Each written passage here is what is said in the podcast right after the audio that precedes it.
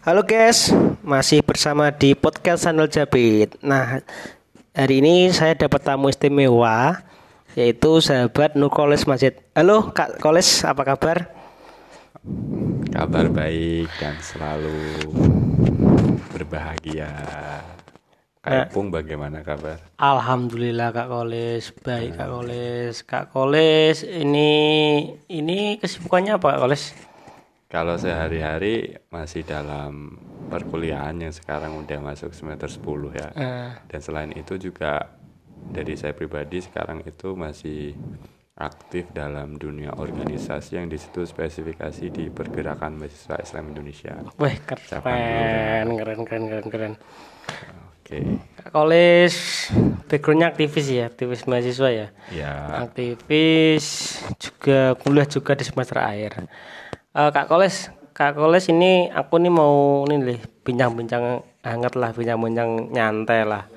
Pengen ngambil tema aktivis dan akademisi atau akademisi dan aktivis. Nah kak, ini kan kadang kalau kita kuliah itu kadang kita itu selalu ini nih dosen saat ngobrol ya kan di depan anak-anak di depan mahasiswa itu ngomongnya akademisi harus A terus nilainya kamlot ya kan.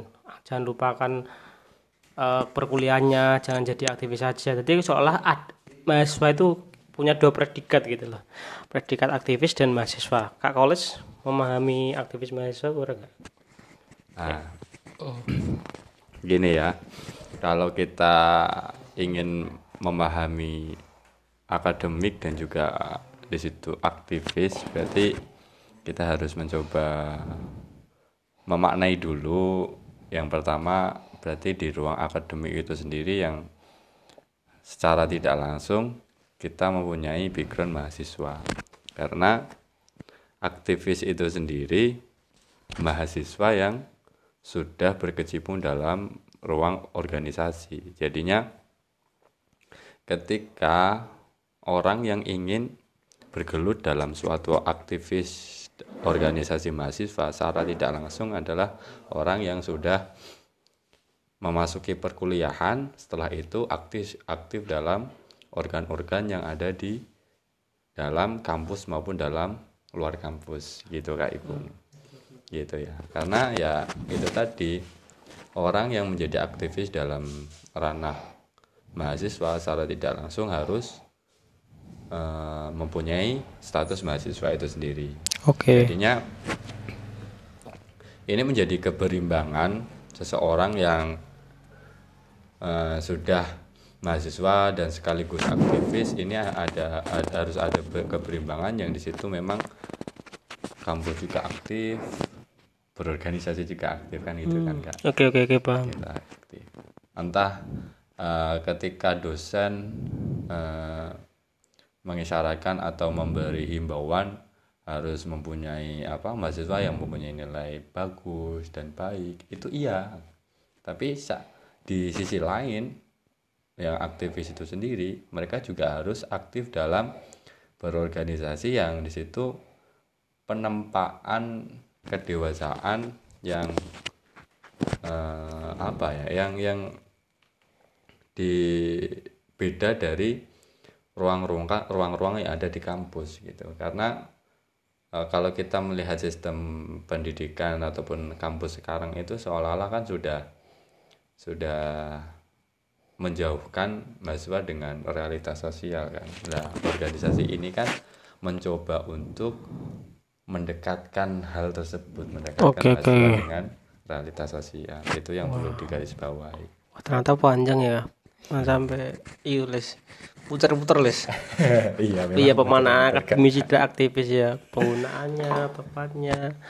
Ya, nek, kayak kalau sih condongnya ke mana sih? Lebih ke condong ke akademisnya ya akademisi ya aktivis ya lebih condong ke mana? Kalau saya pribadi itu lebih apa ya kak?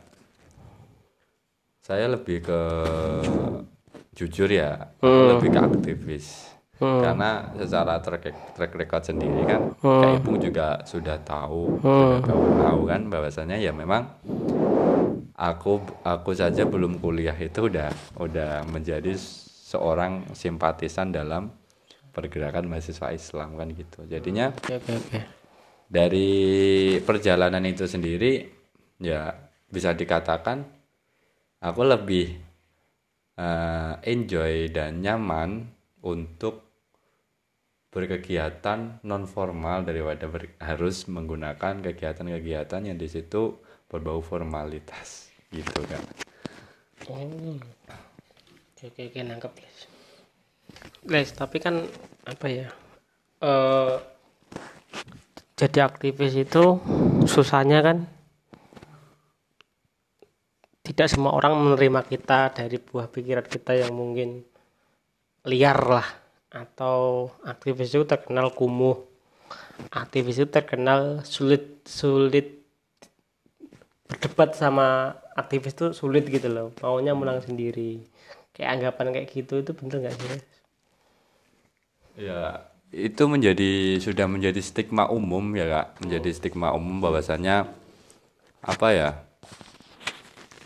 Orang aktivis itu kalau terus dalam dalam gaya uh, apa uh, berpakaian itu kelihatan kumuh dan tidak tidak mementingkan dirinya oke okay, gitu. okay, okay. karena kan memang kebiasaan apa seorang aktivis itu sendiri kan apa yang ditonjolkan itu ya memang aku saja nggak begitu aktif dalam perkuliahan ya kan hmm. ya bisa nggak bisa ada salah satu yang harus ditonjolkan ya itu ya memang gini ketika aku sekali sekali masuk kuliah bisa nggak bisa harus bisa menguasai forum minimal kan di situ hmm, okay, okay, okay. itu itu yang apa ya itu yang menjadikan stigma umum bahwasanya aktivis itu kalau dalam pemikiran dan juga uh, ke, apa kumuh dan lain-lain. Nah, jujur saja memang dari dari banyak teman-teman dan dan aku sendiri itu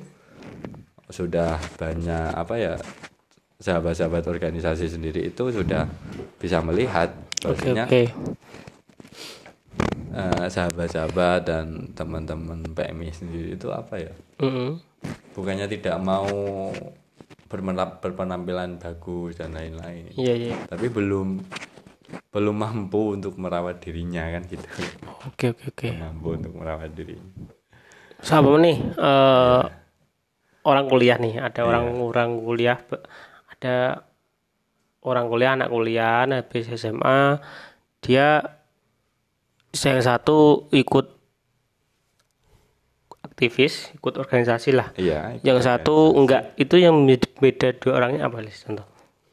Yang menjadi pembeda orang yang ikut organisasi dengan orang yang tidak itu ataupun mahasiswa yang ikut organisasi atau mahasiswa yang tidak yang pasti itu dalam pembangunan pola pikir untuk segi pengorganisiran oke oke pengorganisiran dengan apa ya minimal uh, bukan bukan minimal maksudnya penonjolan seorang aktivis mm. itu lebih berani bertanya kepada mm. dosen mm. Lebih berani tampil dalam forum iya iya iya ketika juga ada seminar-seminar mm. karena uh, kebiasaan teman-teman itu sendiri mm.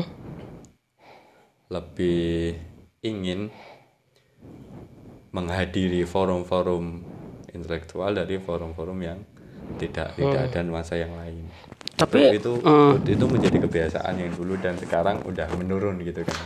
Udah menurun kan. Ini yang harus dibangun kembali dalam okay. dalam ruang organisasi terutama di BMI ini gitu. Terus ada ini les uh, akademisi les akademisi itu kan terkenal dia ngikut apa fokus di perkuliahan gitu loh. Uh, apa nggak ada kesempatan oh saya nggak saya nggak ikut kuliah tuh saya nggak ikut aktivis tuh hmm. saya nggak ikut aktivis saya nggak ikut kerja itu hmm. karena di kampus saja sudah cukup hmm. Ya kan nggak ada nggak hmm. uh, di kampus saja sudah cukup ilmunya hmm. sudah semuanya ada tersedia iya. apalagi sekarang serba teknologi iya. uh, itu sudah maksudnya sudah bener nggak sih kayak pola pikir kayak gitu atau emang iya itu betul tapi khusus tertentu aja atau bagaimana itu tidak tidak tidak benar 100% dan tidak juga salah 100% ya karena kan dulu pernah itu aku mengikuti suatu pelatihan yang mengarahkan bahwasanya ada ada akademisi ini suatu kata yang di situ ternyata ada sejarahnya kak Hmm, ya, ya. ya. pada kala itu kenapa kok ada muncul dari nama akademisi itu kan Mm-mm. ada beberapa filsuf Mm-mm. yang di situ yang di situ berkumpul dalam Gunung Kademos ya Gunung Kademos untuk membicarakan hal-hal mengenai pemerintahan Oke, oke, oke. hal-hal mengenai pem- pemerintahan tapi itu tidak sepengetahuan dari eh, pejabat pemerintah itu sendiri Iya.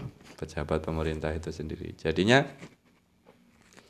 ketika para filsuf ini diketahui pejabat pemerintah set- apa sudah melakukan diskusi di Gunung Kademos untuk membicarakan hal-hal yang bersinggungan dengan pemerintah yang di situ sampai sampai mm, apa membuat kritik dan lain-lain kan gitu kan. Iya, iya. Jadinya para filsuf ini terus ditangkap. Nah, itulah dari re- rentetan sejarah dengan adanya akademisi. Jadinya ka- kalau kita relevansi apa relevansikan dengan keadaan sekarang Iya. Yang seolah-olah kebudayaan tersebut sudah mulai luntur. Ini ada ada ada pergeseran makna lagi dan harus kita membangun ulang ataupun eh, revitalisasi itu, Kak.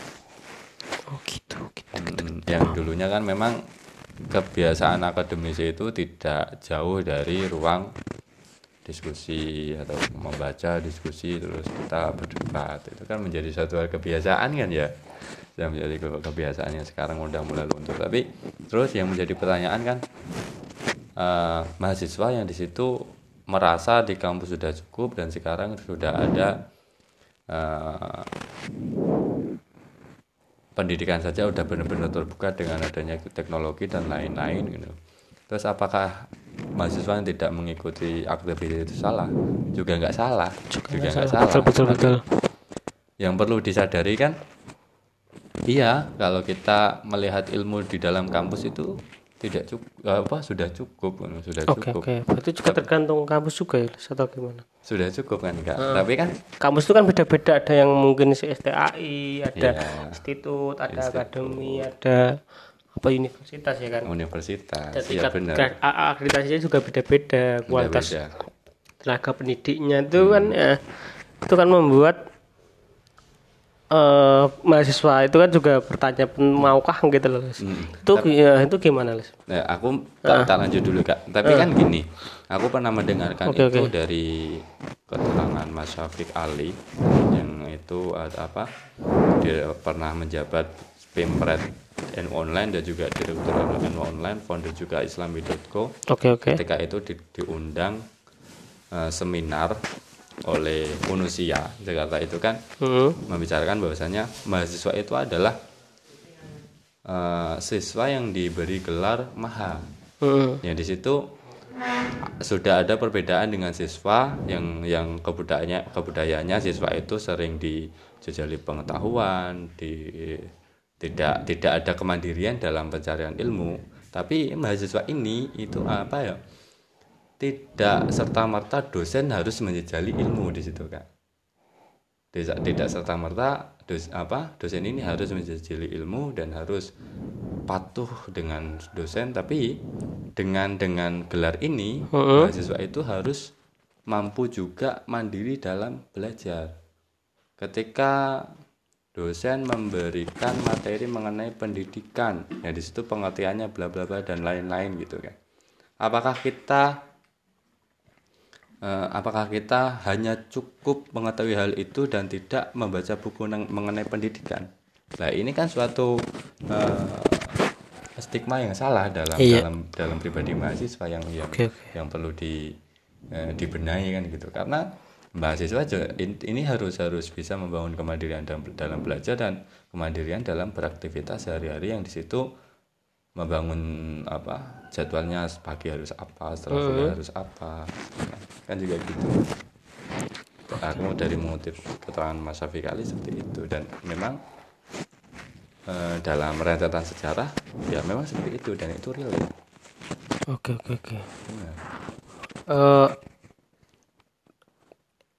yang saya tangkap itu akademisi itu melekatnya itu kuliah gitu loh perkuliahan gitu. Sedangkan perkuliahan, akademisi perkuliahan. itu apa yang aktivis itu melekatnya di organisasi. Ya, benar-benar. sama mau saya berpikir kayak gini nih. Heeh. saya pengen jadi aktivis tapi nggak mau aktivis organisasi luar. Mungkin aktivis organisasi dalam. Itu yang organisasi internal kampus sendiri itu ikutnya aktivis juga nggak sih? Ya, atau gimana sih bedanya? Aktivis kan gini kan kak.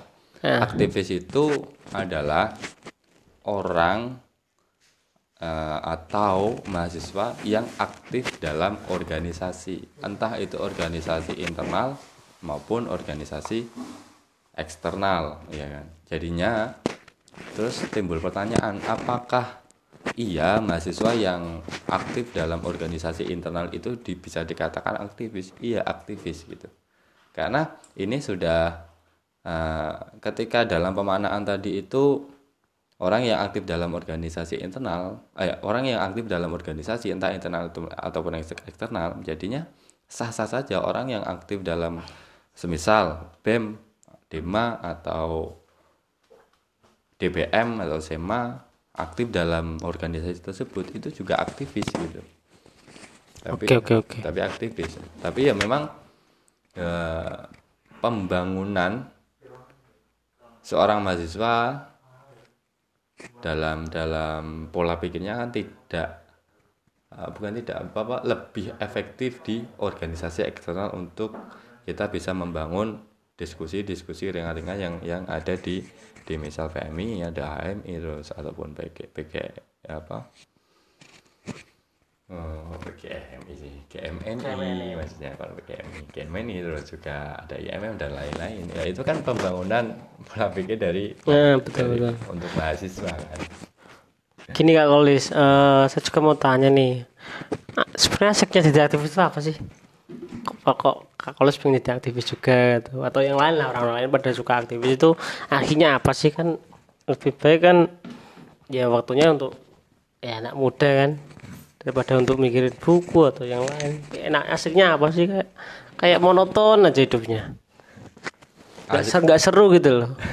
Aslinya malah, malah seru sih kak. Malah seru ya?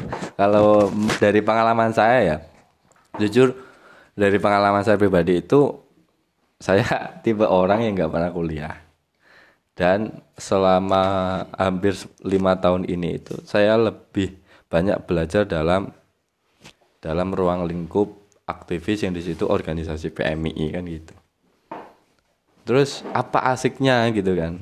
Apa apa terus terus juga apa enaknya ber, berkecimpung dengan buku kan juga kan kan timbul pertanyaan seperti itu ya itu semuanya semuanya asik gitu tapi hanya kenapa kak orang-orang orang umum tidak memandang hal itu menjadi asik gitu karena mereka belum belum pernah ber, ber berkecim bukan berkecimpung belum pernah bersinggungan dengan buku dan belum pernah merasakan nik nikmatnya membicarakan suatu ilmu gitu.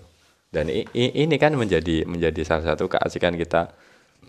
Menjadi aktivis yang di situ sering-sering membuat forum-forum diskusi dan forum-forum yang di situ sharing mengenai ilmu gitu kan. Nah ini yang yang menjadi aku aku tertarik dalam PMI karena dulu itu saya nggak nggak ada niatan untuk kuliah di Blora. Nggak ada niatan untuk Oke, kuliah di Blora. Tapi kan da- dari awal tadi udah udah saya katakan sebelum aku ikut PMI udah ikut simpatisan PMI me- menjadi simpatisan PMI yang di situ dalam Eh, bentar kok. Simpatisan maksudnya simpatisan gimana? Maksudnya Awal-awal awal ikut simpatisan. Nggak nggak resmi atau gimana ini maksudnya? bukan nggak resmi ya kak maksudnya itu simpatisan itu gini kan aku, aku dulu pas masih kelas 3 SMA ya pas kal mas pas masih kelas 3 SMA itu kan sudah sering main di basecamp PMI Sunan Poco dan dan di situ diajak oleh eh, ya katakan saja adik adik adik ipar. Adik ipar. Maksudnya pis pisanan pisanan dalam bahasa Sepupu. ah adik sepupu ya. Diajak adik sepupu sampai apa?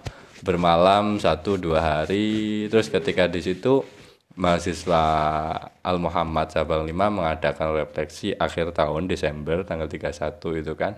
Berarti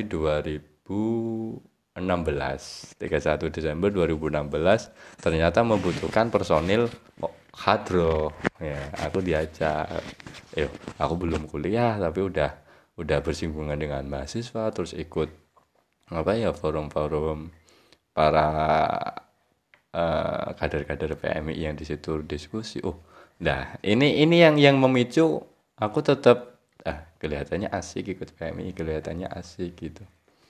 Nggak ngomong-ngomong kok kenapa harus PMI? Tadi kan nyebut juga ada GMNI, ada MI dan organisasi yang lain. Kenapa pilih PMI gitu loh? Kenapa nggak ikut yang lain gitu? Nah, ini harus saya ceritakan dari awal atau yang su- yang sudah saya rasakan sekarang? Ya, ya, ya terserah. Boleh, boleh, dua-duanya juga boleh. Enggak kan? Ini tanya serius ini. Gini, gini. Kenapa kok harus PMI ya? Karena gini, kenapa harus PMI? Kalau PMI ini itu kan gimana ya? Organisasi sekarang itu terbesar di Indonesia satu.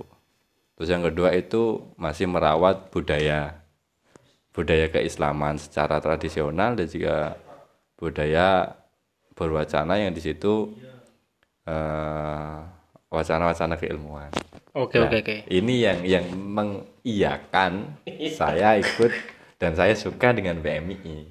Dan dan itu masih ada keterikatan dengan para ulama Nahdlatul Ulama. Oh, keren-kerennya di sini nih. Ini ini nih yang kerennya Di. Secara garis sanat ya. Bukan karena secara organisasi bukan ya? Bukan satu-satunya organisasi. Karena yang aku tahu juga cuma PMI sih. Nah, itu. Beda nih, saya tak pikir-pikir. Yang aku tahu karena ya PMI. Karena dulu itu ah, apa iya ya ketika per perkuliahan itu ada organisasi OSIS gitu kan. Oh, ternyata di situ ada skup lain yang berbeda. Antara SMA dan juga perkuliahan. Karena di SMA itu eh, di SMA OSIS di perkuliahan udah beda lagi yang di situ jenisnya adalah BEM kan gitu kan mengenai ekstra, ek- ek- biasanya ekstrakurikuler itu pramuka hadro. Dan pramuka hadro itu masuk kegiatan internal dari kampus.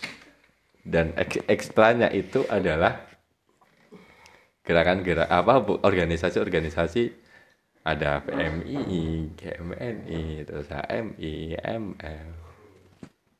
Kalau kalau kalau bisa di Blora ya sekalian di di apa dihadirkan organisasi mahasiswa Kristen, Katolik itu kan malah asik kan. Tapi ada kampusnya apa enggak sih di Blora sendiri ada? Kampus kan ada. Oh gitu ya. Iya. Tapi kan mahasiswa Islam yang ingin mendirikan pergerakan mahasiswa Kristen itu loh yang belum ada.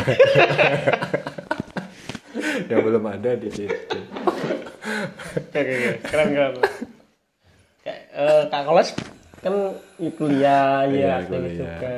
Eh. Mungkin punya keilmu eh, suatu bidang keilmuan yang kayak kalau suka ya atau apa ya suatu bentuk skill lah apa apa lebih ke domin, dominannya ke apa sih ilmu yang gak kalau suka lah Kalau jujur, ilmu yang paling aku suka itu membicarakan filsafat dan juga tasawuf. Ribet ini Bukan ribet sih. kalau lebih suka kenapa sih kayak saya yang pemirsa di rumah Ya karena filsafat itu ilmu yang bisa membangun pola pikir kita sehingga kita tidak gampang untuk membuat suatu kesimpulan ataupun justifikasi gitu kan. Karena apa ya? Berfilsafat kan eh, mengiyakan kita untuk mencari permasalahan sampai paling dasar. Jadinya ketika dasarannya apa gitu kan secara tidak langsung kita, kita nggak nggak nggak nggak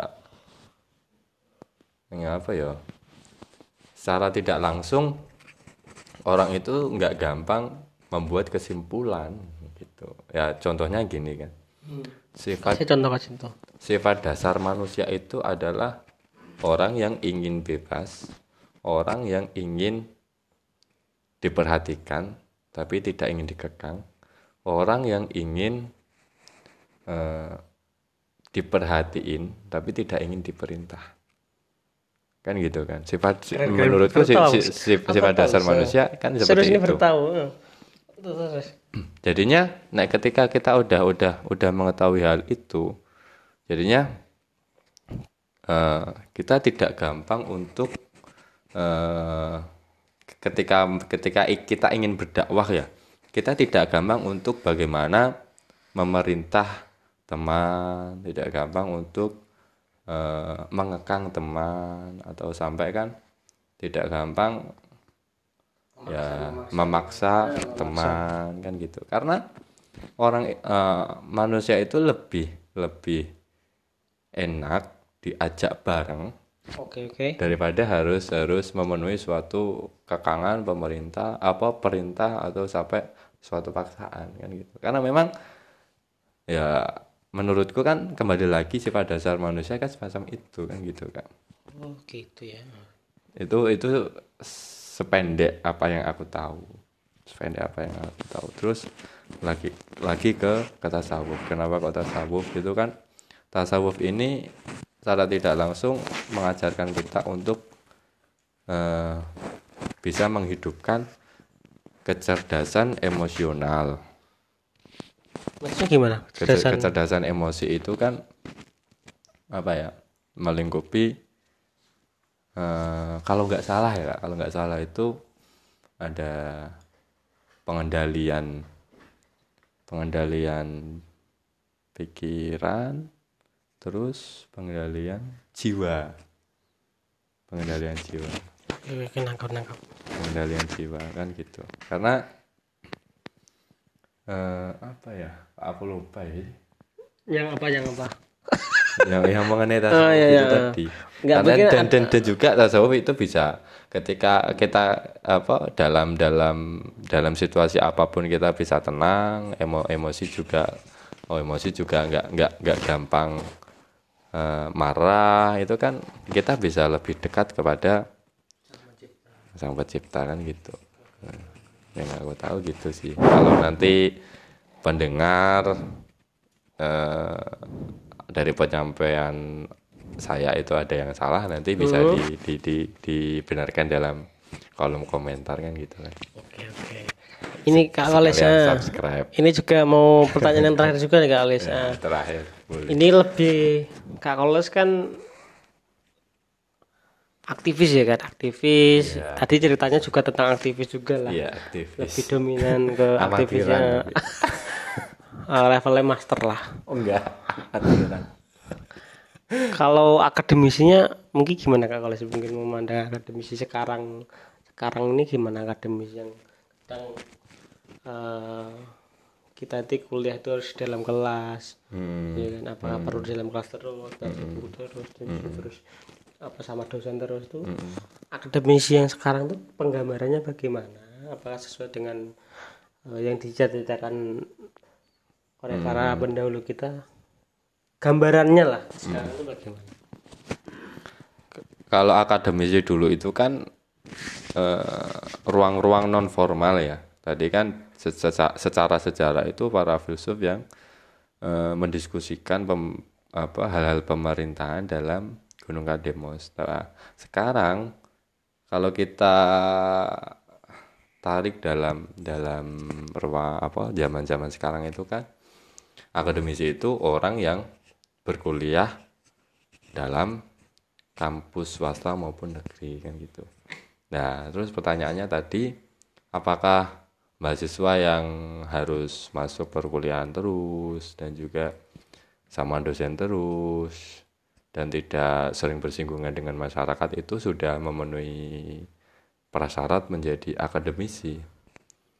Itu menjadi beba- menjadi tiga faktor Kak, kalau ingin menjadi akademisi benar Kak? Benar. Iya benar. Nah, Ini mau jadi aktivis kan harus mahasiswa eh, dulu kan. mahasiswa kan kalau Nah, aktivis mahasiswa ya kan, jadi ya. kak saya mau jadi aktivis mahasiswa nih Heeh. tetap nggak mungkin nggak eh, kuliah kan nggak Iya, mungkin nggak mungkin kuliah, ya harus kayak kuliah. harus kuliah kayak kuncinya harus kuliah. kuliah gitu Oke, oke, oke. Iku iku menjadi tiga faktor yang benar. Tapi kan yang perlu disadari kan apakah eh, ruang perkuliahan saat ini itu menghantarkan mahasiswanya itu juga mampu berpikir eh, mandiri ataupun mampu berpikir kritis dan juga menghantarkan mahasiswanya dekat dengan realitas sosial gitu. Karena kalau kita refleksikan kan kenapa kok para filsuf mendiskusikan itu tidak tanpa sepengetahuan pejabat pemerintah dan juga dan itu di eh, atas gunung gitu. Kalau kita refleksikan karena ya itu tadi eh, seorang akademisi itu kan orang yang sudah apa ya orang yang berproses untuk kemandirian berpikir dan juga pro apa proses untuk menghantarkan eh, manusia ini dekat manusia yang lain ataupun manusia sosial kan gitu kan. Ka- kalau kalau eh, pendekatan sistem perkuliahan yang saat ini itu tidak tidak mampu menghantarkan eh, mahasiswa yang berpikir kritis dan menjauhkan dari realitas sosial jadinya ya tiga faktor itu tadi malah ah, kita harus ya kita harus ya itu jangan dulu ja- jangan dulu kita mengiyakan itu menjadi tiga faktor yang yang mampu menilai mahasiswa mahasiswa sekarang juga akademisi yang dulu kan gitu. itu itu belum bisa Gantian zaman juga ya. Mm-mm. Eh, Les mungkin ada quote hari ini Les, quote hari ini terkait kuliah atau tentang mahasiswaan lah. Ada Quote. quote quote eh, untuk dari college sendiri lah. Atau nasihat untuk yang permisi yang ada di rumah. Kalau kuat apa ya kak? Aku malah ingin ingin mengutip dari lagunya Linkin Park ya, Keren ini. Gimana? Gimana? yang yang berjudul What eh, apa kalau kalau What if done? ah, What I have done, I will face myself. Artinya Les. Apa yang aku lakukan, Oke. I will, saya akan Jadi mem- diri- mempertanggungjawabkannya. keren keren keren. ya intinya itu sih. Apa yang aku lakukan? Aku yang akan bertanggung jawab di situ. In- intinya nih, nih, kalau nggak salah di situ. Aku belum belum begitu paham mengenai bahasa Inggris soalnya. Oke Les, eh, waktunya sangat memuaskan sama Kak Koles hari ini. Eh, Kak Koles, kapan-kapan bisa bertemu lagi ya Kak Koles. boleh boleh kak. Teman-teman pemirsa yang ada di rumah mungkin bisa tanya terkait kemahasiswaan, dibimbing Kak Koles menjadi mahasiswa yang teladan, jadi aktivis yang kritis itu bagaimana bisa nanti di kolom komentar atau di DM Instagram channel Japit bisa lah. ah, Oke. jepit Oke Kak Koles eh, sampai jumpa di pertemuan selanjutnya. Semoga Boleh, next time bisa ketemu lagi, bisa ngobrol-ngobrol lagi. Oke pemirsa yang di rumah cukup sekian. Mungkin di lain waktu kita sambung lagi dengan narasumber la- lain, juga tema yang lain yang lebih seru lagi. oke Cukup sekian masih di channel Jepit Podcast, channelnya orang-orang yang sedang menentukan arah. Bye bye.